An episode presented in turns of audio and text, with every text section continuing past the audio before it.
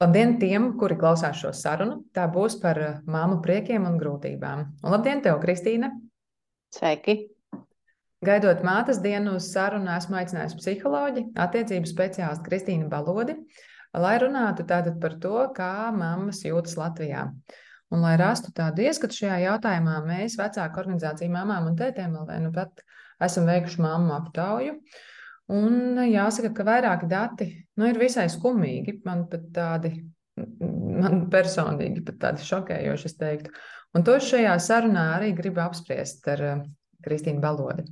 Un, um, un tad uzreiz pie tā pirmā jautājuma, ka, mm, ka tajā mamma aptaujā tāds nospiedošais vairākums mammu saka, ka viņas pēdējā pusgada laikā ir jutušās pārstrādājušās, un tā saka 96% mammu.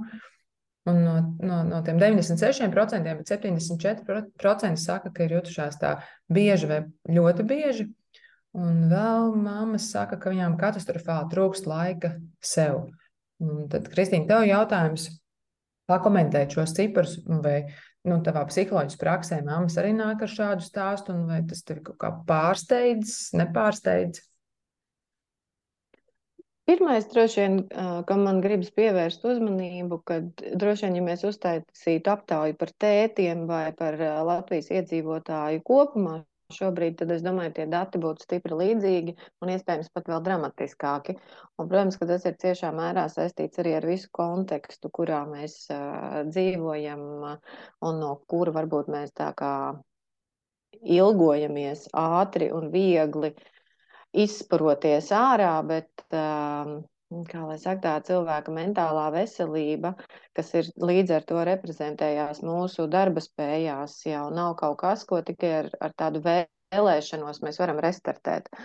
Um, līdz ar to nu, tas droši vien pirmais, ko es teiktu, kad um, ir vērts um, nu, pievērst uzmanību arī tam kontekstam, kurā mēs dzīvojam, jo uh, smagnējums uztur smagnējumu.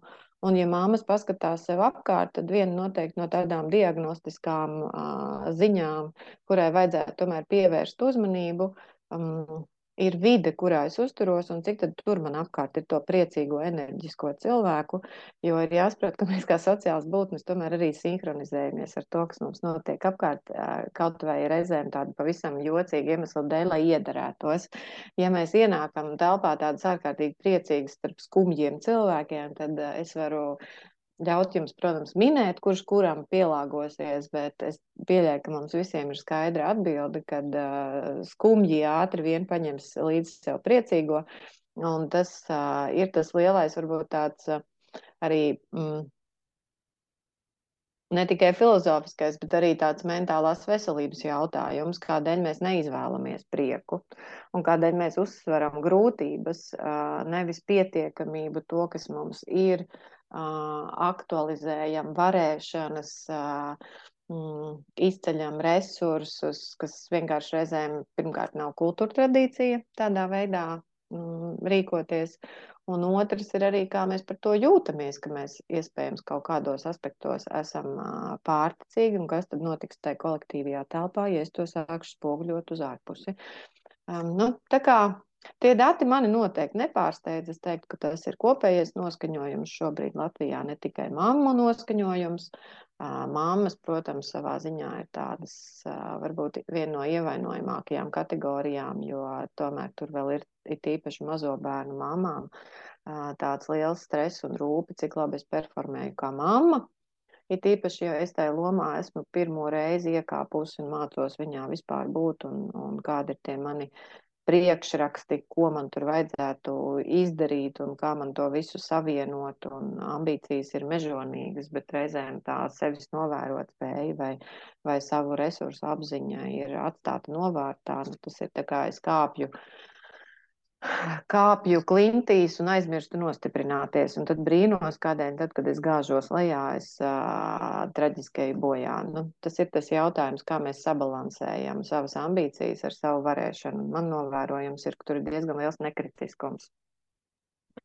Es gribu vēl šo, es gribu vēl to, man vēl jāizdara tas, man ir jāvar tas, un es neko neesmu gatava atlaist, kā neizdarītu, kā netik būtisku, kā, es nezinu, otrā vai desmitajā kategorijā noliekam, vai arī tas tās par palīdzības lūkšanu, citu cilvēku iesaistīšanu, netik daudz darīšanu, lai apliecinātu savu varēšanu ļoti precīzi turpināja tos mūsu datus. Šis, ko es saku, mums tieši aptaujā parādās, jo nu, nu, visticamāk sabiedrība kopumā ir pārstrādājusies, bet, bet mums 85% māmu teica, ka lielākoties tādi mājas darbi un bērnu lietas ir uz viņu pleciem. Un, un, un zin, tikai 13% saka, ka darba dalījums starp partneriem ģimenē ir 50 uz 50. Ja? Tas noteikti ir tāds viens nu, būtisks aspekts, par ko arī runāt. Nu, kāpēc tad mamma dara visu vai netiek dalīti tie pienākumi ģimenē? Jā, bet tādēļ es, tādēļ es aktualizēju to, kā es atzīstu savu nevarēšanu, nu, kā es pieņemu vienkārši to, ka es nevaru performēt. Un, nu, kaut kādās vairākās kategorijās ar vienlīdz lielu ambīciju. Un kā es spēju sadzīvot ar to, ka es kaut kur, piemēram, performēju, nu, ir ok, ir pietiekoši labi, lai dzīvotu. Nu, es to nereprezentēju katru reizi kā projektu, kurā man ir jādabūna aplausi un jāpasniedz balva par to, ka es esmu to izdarījis vis, vislabāk. Bet es protu arī atlaist to kaut kādu darīšanu. Un, protams, ka tā ir ceļojumā uz līdztiesīgu sabiedrību, nu, tur ir tas lielais jautājums, pret kur mēs visticamāk atdursimies vēl krietni ilgu laiku, kā tēti ienāk mājās un noliek savu darba ambīciju, un kā māmas pēc iespējas ātrāk atgriežas darba tirgu, lai uh, dažādotu savu ambīciju. Un mēs nevaram nonākt ne pie kāda līdzsvara, nu, kamēr mēs neizējam tomēr to pietiekoši ērkšķaino ceļu uz sabiedrības attīstību kopumā, ka mēs saprotam, ka mēs nevaram nopirkt mājasēmniecību mājās ar pārskaitīto naudu, nu, tādā kārtībā, kā mēs gribētu viņu redzēt. Tieši tāpatās, kā man noteikti būs lielāks stress un trauksme atgriežoties darbā, jo es ilgāk būšu sevi trenējusi mājasēmniecību vai bērnu tulpi nu, veicot. Tā kā tās kategorijas tieši tāpatās, kā vēlams rēķini vairs nav pret seksu, tāpat tās arī mājasemniecība vēlams vairs nav attiecināma mm, nu, pret kaut kādiem, par kaut kādiem maksājumiem vai kaut ko tam līdzīgu, kas ļoti bieži tas, ko es redzu ģimenēs, rada lielu apjukumu arī, kurš tad ko noseks un kurš ko darīs, kurš par ko uzņemsies atbildību, kas būs tas, kur mēs ieguldamies abi divi. Un vēlams, ka bērna prūpe vispār vairs nav jautājums, kurā kādam šķiet, ka būšana ārpus mājas kaut kādā mērā ir adekvāts rūpes par bērnu. Nu, tajās ir tīpaši mazā bērna vajadzībās, nu, kur mēs ar to naudu nevaram atrisināt ne piesaisti, ne, ne, ne prasmes, ne iemaņas vispār kā mazbērnu aprūpēt. Līdz ar to mammas ļoti bieži tas, ko es redzu, pārgurst no tā, ka tēti ir ļoti neprasmīgi. Un tajā brīdī, kad viņas it kā to laiku sev, ko viņas tur sauc par laiku sev, it kā izcīna vai ar milzīgu vainas apziņu paņem, tad viņas pārsvarā strādā par telefonu konsultantiem, ko man darīt, kā man rīkoties, vai vismaz, ja viņām neviens nezvana, tad pašas sevi ar to nodarbina, kā tad viņš tur tiek galā un kas tad tur diez notiek. Tā kā tās ir prasmes un iemaņas, tā nav teorija, un prasmes un iemaņas attīstās praktizējot. Un tur mēs visi esam tādā jaunā ceļojumā, kā mēs mācāmies to balansu pirmkārt meklēt un tai um, nu, jaunajos izaicinājumos to līdz, līdztiesību piedzīvot. Bet nevis kā vienādības zīmi, bet pēc iespējas kā tādu veiksmīgāku un funkcionējošāku sadarbību. Tev taisnība ir tajā, um, ko tu minēji par nu, tām, ka, ka visu gribas uh, perfekti un, un pā, nu, ar saviem spēkiem, jo mums mammas uh, savās tajās brīvajās atbildēs nu, pārsteidzoši daudz rakstīja tieši šādus vārdus. Es gribu būt perfekta visā, es gribu būt vislabākā, es uh, gribu tīru māju, tīrus bērnus, uh, siltu ēdienu galdā celt, es gribu būt uh, iekārojama Mm, partnere. Es eh, gala beigās viena māma arī īsi formulēju, es gribu būt Mērija Popinsa. Mm -hmm. Mm. Jā, nu tas būtībā ir pašvērtējuma jautājums. Kādēļ es nejūtos pietiekams cilvēks ar to, kas es esmu, bet man visu laiku ir jāveic kaut kas ārējs, ko otrs var novērtēt, un tad es tā naivi ticu, ka tas kaut kad to manu tukšumu manī pašā aizpildīs, kas, protams, ka nenotiek. Mm. Um, varēšana neizdarīt reizēm ir lielāks uh, rādītājs par cilvēka iekšējo spēku un pārliecību nekā viņa varēšana izdarīt. Ir jautājums, kura kompulsija bīda man darīšanu, kādēļ man tas desmitnieks ir tik nozīmīgs, kādēļ es vēl joprojām dzīvoju tai lineālu sistēmā, svariņu sistēmā un, un uh, kategoriju sistēmā. Nu jā, bet rezultātā ar to visu, ko mēs te nosaucām, to ir jūtas pārstrādājušās, ka mm, trūkstā laika sev, gribas būt visur perfektām, tad tomēr nu, tas, kas mani šajos datos pārsteidz, mēs uzdevām tādu jautājumu, vai esi apmierināta ar savu ārējo izskatu? Jā. Mm, nu, es tev varētu ļaut minēt, cik uh, uh -huh. respondentu procentuāli atbildēja ar pārliecinošu jā. Uh mhm. -huh. Nu, es nezinu, droši vien kādi 15. Vispār tuvu desmit. Nu, un savukārt, nu, un savukārt... Ar to arī mīļās mammas es jūs apsveicu. nu, drīz jau zemāk vairs nebūs, kur krist. nu, tad ir tas jautājums, kas jums pašām ir tā mēraukla, ko jūs no sevis gribat uh, tai ārējā izskatā izdzīt, un kas ir tā mēraukla, un, un vissirsnīgāk es aicinātu iedziļināties, kas veido tos atskaites punktus, uh, kuri jums uh, acīm redzot, mudina justies tik neglītām un tik nepieņemamām un tik kaut kādā mērā neakceptējamām, kad jāizsaka cilvēkiem līdzjūtība, ka viņiem ir, ir tā spiestā lieta uz jums skatīties vai būt jūs klātbūtnē. Nu, kā, kā mēs traumējam sabiedrību ar savu briesmīgo izskatu? Kas ir tās mērauklas, kur mēs ņemam tos uh, tos datus, kuriem tad mums ir jāatbilst un, un kādēļ mēs viņus uzskatām par kaut kādu absolūto patiesību. Un, tā, tā kā. un, un, un zini, savukārt ar pārliecinošu nē, nu jau pa vidam tur bija biežāk jā, biežāk nē, nu tur visādas variācijas, ja, bet ar pārliecinošu nē atbildēja 54% māmu. Jā. Mm, man, man tas personīgi, man tas liekas patiešām skumīgi, jo ir kaut kāds ceļš, protams, ko arī es nu, nu, no tāda pusauģa vecuma, jā, līdz tādam sievietes uh, dzīvē, un, un arī iekāpjot māmas lomā, nu, ir bijis kaut kāds ceļš jānoiet, bet, uh, bet ar, ar visu to es noteikti atbildētu jā. Jā, bet Ingrid, tas jau ir tas absurds. Uh, nu, ja mēs skatāmies, tad skaistums vairāk būtu par sievieti, uh, kas vienmēr ir prasīts no sievietes šīs divas uh, pozīcijas - būt skaistai un būt perfektai mammai. Un tad mēs paskatāmies, um, kā mēs starp šīm divām pozīcijām mēģinām tur žonglēt. Un katrai no mums būs simtiem stāstu, kā mēs esam mēģinājuši kaut kādu kompromisu rast starp izmazgātiem matiem vai pabarotu bērnu, starp uzliktu tur sejas masku un, un izstieptu mugurkaulu, vai iziešana ar bērnu pastaigā pēc iespējas skaistāk izskatoties, jo, ja nu es kādu satieku un kāds man ierauga, un nedodies vēl mūsdienās vispār bīstam iet uz ielas, jo viss taisa selfijas un reiz publicē sociālajos tīklos. Ir jāsaprot, ka tas nav vairs tā kā iziet lauku teritorijā, vienalga kā, nu labi, viena kaimiņa satiks un viss to uzreiz nonāca apritē, grib vai negrib, jo kāds ir tik laimīgs tevi satikt, ka viņš to grib nopublicēt tūdaļ un nodot tālāk.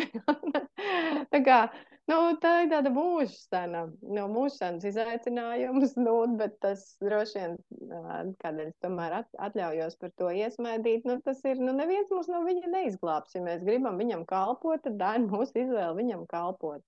Um, vai tādēļ mēs paliksim kā lai saka, bez iespējas veidot partnerības, attīstīt tās ģimenes, pazaudēsim iespēju nodarboties ar seksu, iemīlēties, aizrauties un patikt cilvēkiem. Nu, protams, ka nē. Nu, tā, tie, nu, tā objektīvā realitāte jau tieši tāda arī ir, kad uh, reizēm tā mūsu pārņemtība ar šo te tikai mums pašām ir arī svarīga, jo nekāda statistikas dati neapliecina to, ka tie vīrieši skriet no mums pa gabalu vai tās partneris skriet no mums pa gabalu, jo redz, kāda viņa izpūrus un tikko uzburkšķēja savam bērnam. Nu, cilvēks vienmēr ir veidojis attiecības, viņš to vienmēr arī darīs. Tas nav balstīts estētikā, tas balstīts smadzeņu impulsos, kuri mums uh, liek to darīt, vai mēs gribam vai nē. Pat atturēties no tā ir vesels stāsts, attiecības stāsts pašai ar sevi. Nu, jā, bet cik mēs joprojām to turam tādā piedestāla augšgalā, uz ko tiekties, uh, Tas, es domāju, nu, jau ir mūsdienās katras uh, sievietes, vismaz šajā rietumu sabiedrības daļā, kur mēs esam likumiski pasargātas. Protams, mēs ejam cauri visas kaut kādam tādam attīstības ceļojumam, kā pašām to pasargātību vispār pieņemt un lietot. Bet uh, es pieļauju, ka tad, kad jūs pajautāsiet, piemēram, draugiem, kur varbūt ir šķiršanās procesā, kādēļ viņš šķirās, jūs maz dzirdēsiet, jo man tā sieva tāda nesmuka. Vai viņa ir kaut kāda katastrofāla māte?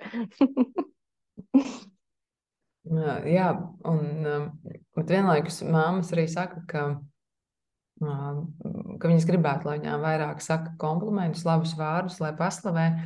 Un, un tur var domāt, vai tas ir tas, ka nu, kad, tu, kad dari vairāk un centies un dzenies pēc tiem komplimentiem, iespējams, bet es lasot arī tādas brīvās atbildes, es piekrītu tām mamām, kuras saka, ka mūsu sabiedrībā nu, vispār pārāk reti saka tādas labas lietas, arī prikā tādām ikdienišķām nu, nodarbēm. Nu, tā kā, nu, jo tāda sajūta, ka mammas dara. Mm, Tas darbs, ko viņas dara, ir pašsaprotams, bet, bet viņas pašas aptaujā saka, ka viņas tiešām ļoti gribētu, lai, lai par lūgtām siltajām vakariņām, vai par saliktu uh, veļas mašīnu, vai par nu, kaut kādām rūpēm viņām saka vairāk laba, lai mazāk kritizē.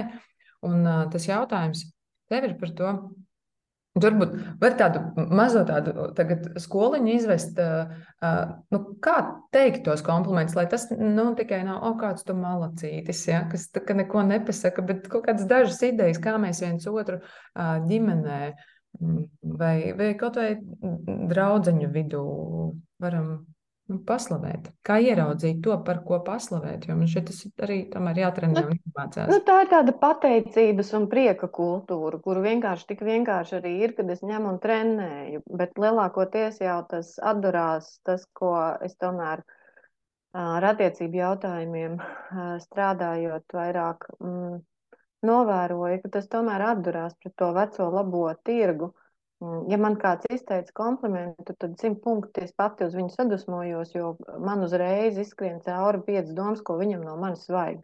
Un, ja tas ir divdzimuma attiecībās, simt punkti tas ir seks. Un tā kā es šobrīd mazgāju trauks vai rūpējos par bērnu un man, nekādā seksā neesmu ieinteresēta, tad um, ir jautājums arī, kā es pati atbildu uz to komplimentu. Lai tam otram būtu kaut kāda vēlme man viņu otrais vēl vispār teikt, Jo iespējams es atbildu ar noraidījumu, un es jau nenoraidu komplimentu. Es iespējams noraidu kaut ko citu, ko es nepasaku vārdos, bet otrs cilvēks dzird noraidījumu. Jo tas, ko es ļoti bieži dzirdu no partneriem, ir nav kura dzimuma partneriem. Mēs jau tos komplimentus sakam, bet mēs viņus dzirdam tikai no svešiem cilvēkiem, kur savā ziņā ir drošības teritorija, kad pat ja tur kaut ko vajag, man ir tiesības nedot. Un tas ir tas došanas tirgus, kas joprojām pastāv uh, cilvēku savstarpējās attiecībās, ja tā sajūta par kaut kādu vajadzību kaut ko dot, uh, nevis vienoties, ko mēs kopā darām, bet kāds kādam kaut ko dod. Es tev dodu komplimentu, tu man dod pretī pateicību. Un tad mēs tādās tirgus attiecībās arī dzīvojam. Kurš kuram ko iedeva? Es tev iedevu divus komplimentus, tu man tikai vienu pateicību. Bet tas nav kaut kas, ka mēs caur komplimentu radām kopīgu atmosfēru. Es nekomplimentēju, tāpēc, ka man vajag kaut ko no tevis, bet tādēļ, ka tā ir komunikācijas forma, kura vairo patīkamas sajūtas, nezinu, vidē, kurā mēs uzturamies, kura mums palīdz vienam uz otru kā partnerim paskatīties ar, ar pietiekamību, ar gandarījumu sajūtu ar pateicības sajūtu. Nu, tas tāpatās, kā es reizēm uzdodu jautājumu, kādēļ jūs ar seksu nodarbojaties. Mums nav seksa. Viņa negrib, viņš negrib, mums nav seksa, mums nav seksa, problēma ir, mums nav seksa. Mazo bērnu vecumā skaidrs, ka mums nav seksa, tur jau vēl ir laiks par mazu un, un attieksme ne tā. Bet tad ir tas lielais jautājums, kam jums viņu vajag? Par ko būs tas seks? Ja viņš ir bezjēdzīgi nodarbi, vienkārši lai krustiņus vilktu sienā, mums viņš ir vai nav, cilvēks ir saprātīgi būtne, viņš to nedara. nu, vismaz tas, kurš nejūt to impulsu, viņš vienkārši to nedara, tāpēc, ka viņš ir bezjēdzīgs. Tad ir tas jautājums, kā mēs ieaicinām viens otru tajā teritorijā, kur vai tas ir kompliments, vai tas ir kaut kāds labs vārds, vai tas ir pamanīšana, ko otrs ienes manā dzīvē, kā kaut ko, kas vairo manu labklājību, vai tā ir tā vienalga emocionāli romantiskā vai, vai uh, seksuālā tuvība, bet uh, tas veids kaut kā, tam ir kaut kāda jēga, no kurienes uz kurien tas mūs pārceļ, par kādiem cilvēkiem mēs kļūstam to darot. Nu, Bet, ja tas iestrēgst pats sevī, kāpēc man nesaka komplimentus? Nu, man, kas man pienākās kaut kādi komplimenti? Nu, ar parādzījumu piedzimus, ka nu, visiem ir man jākomplimentē. Nu, par ko tas ir? Mūsu tradīcijā, protams, kad mēs neesam īsti varbūt tā kultūra, kurā ir raksturīgi uh, uh, sajūsmināties. Nu, protams, kad ja mēs paskatāmies uz citām kultūrām, nu, kur ir smaržas, garšas, estētika, žesties, nezinu, skaļums, atļaušanās sevi rādīt, demonstrēt. Nu, mums ir savā ziņā viss tāds uz iekšu ielocīts. Nu, līdz ar to arī tie komplimenti. Es viņus padomāju, bet es tev neteikšu, lai tu nepaliec vēl pašpārliecinātāk lai tu nepaliec vēl iedomīgāk, vēl vairāk sāks tiksmināties. Es kā negribu redzēt, ka tas otrs cilvēks jūtās labi. Nu, tāpēc es arī nesaku. Es iekšēji padomāju, bet nē. Sakāps galvā. Nu, tad tā arī jādzīvo. Lai nevienam nesakāpj galvā, jo dziļākā bedrē, jo labāk, jo sliktāk jūtamies, jo drošāk.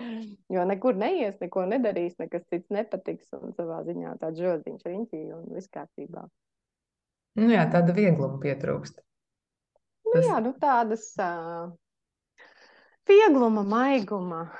Nu, man tā seksuālā leksika tādā ziņā šķiet simpātiska. Nu, tādas pavadinošas, klietējošas sajūtas par dzīvi. Mm. Uh, mums uh, rītdien rīkojam pirmo tēvdienas, uh, tēvdienas, Rītdien rīkojam pirmo mātes dienas festivālu. Tēvdienas festivālu mēs jau gadus Tas ir forši. Jā, pirmo reizi mātes dienas festivālu, kur mēs arī ar tevi satiksimies. Un, Jā. Un tev ir tāds foršs lekcijas nosaukums atļaušanās būt atklātai un nepareizai. Nu, tā noslēdzoši šai sarunai, varbūt tāda, par ko būs šis un kāpēc tieši šāda tēma. Nu, tādēļ jau Inga, ka par to jau ir arī jārunā, kas notiek mums apkārt. Nu, cik ilgi mēs vēl paši izvēlamies sēdēt šādā noskaņā. Nu, un tas ir ļoti cieši saistīts ar mūsu ticībām un pārliecībām, kas ir pareizi un kāpēc grūti ir vērtīgāk nekā viegli. Nu, tik vienkārši jau tas arī ir. Bet par to nepareizību, nu, ka būtu tādai. Nu Jā, būt flirtējošai un pavadinošai un ķiķināt un, un visu kaut ko gribēt, būtībā ir nepareizi. Konstruktīvi nobriedusi sieviete un mamma tā neuzvedās.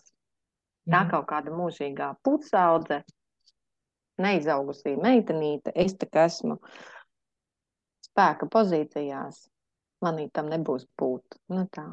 Kā, kamēr mēs kaut ko noniecinām, mēs viņu to neiekārojam. To, ko es necienu, es neiekāroju. Ja es necienu vieglumu, ja es necienu atkāpšanos no normatīviem, nepareizums būtībā ir jebkas, kas mani nenormalizēs. Ja es gribu būt normāla, es nekad nebūšu autentiska. Un tā ir izvēle.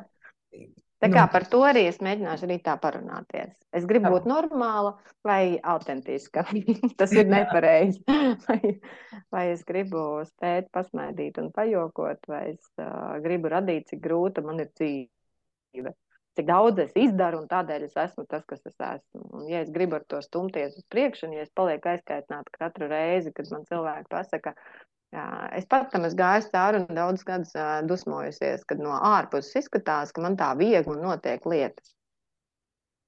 Un es ilgi, ilgi nevarēju šo sagramot. Man likās, jā, protams, tas, ka es negribu gruzīties par to, kā notiek lietas, nenozīmē, ka viņas notiek viegli. Vienkārši tā atšķirība ir tajā, ka nepārtraukti gruzies par to, vai tu saproti, ka viņas tāpat notiks tā, kā viņas notiks. Bet kā es dzīvošu ar vieglumu vai ar grūtumu, ir mana izvēle. es izvēlos vieglumu. Bet tam nav nekādas saistības ar to, kā notiek dzīve vai kā mēs ejam cauri reizēm grūtām, sarežģītām situācijām. Vairāk ar attieksmi. Nu tā, tā kā par to man arī likās būtiski parunāt, jo nu, man, man uh, pašai trūkst uh, smaidīgu seju un dzīves prieku, kas šobrīd apkārt Es pieļauju, ka tas ir tas, kas mums visiem trūkst. Un mēs, protams, varam visu laiku braukt tajā ceļojumos vai mēģināt te, nezinu, integrēt citas kultūras un viņu tradīcijas, bet būtībā jau tas ir resurs, kas ir pieejams arī mums pašiem. Ir tikai jautājums, vai mēs esam gatavi pagriezties un mācīties viņu attīstīt. Viņš nepielīp kā slimība, viņš ir prasmi iemaņa, kur prasa. Uh, Iekultīšanos un attīstību. Tas nozīmē arī nesenākšanu un neizdošanos. Un nebūs biežākā atbilde. Atkal aizgāju no uģi un sāku bubināt par to, kas man nav. Eju atpakaļ un mēģinu runāt par to, kas man ir. Jā. Paldies tev par šo sarunu. Tad mēs tiekamies uh, rītdien, 13. maijā, Kanzas peronā, kur Kristīna Balode, mūsu mammas, uh, nu, iedvesmos būt tādām nepareizākām un priecīgākām. Būtībā jau drosmīgākām vienkārši būt. paldies tev! Tā, paldies, Inga!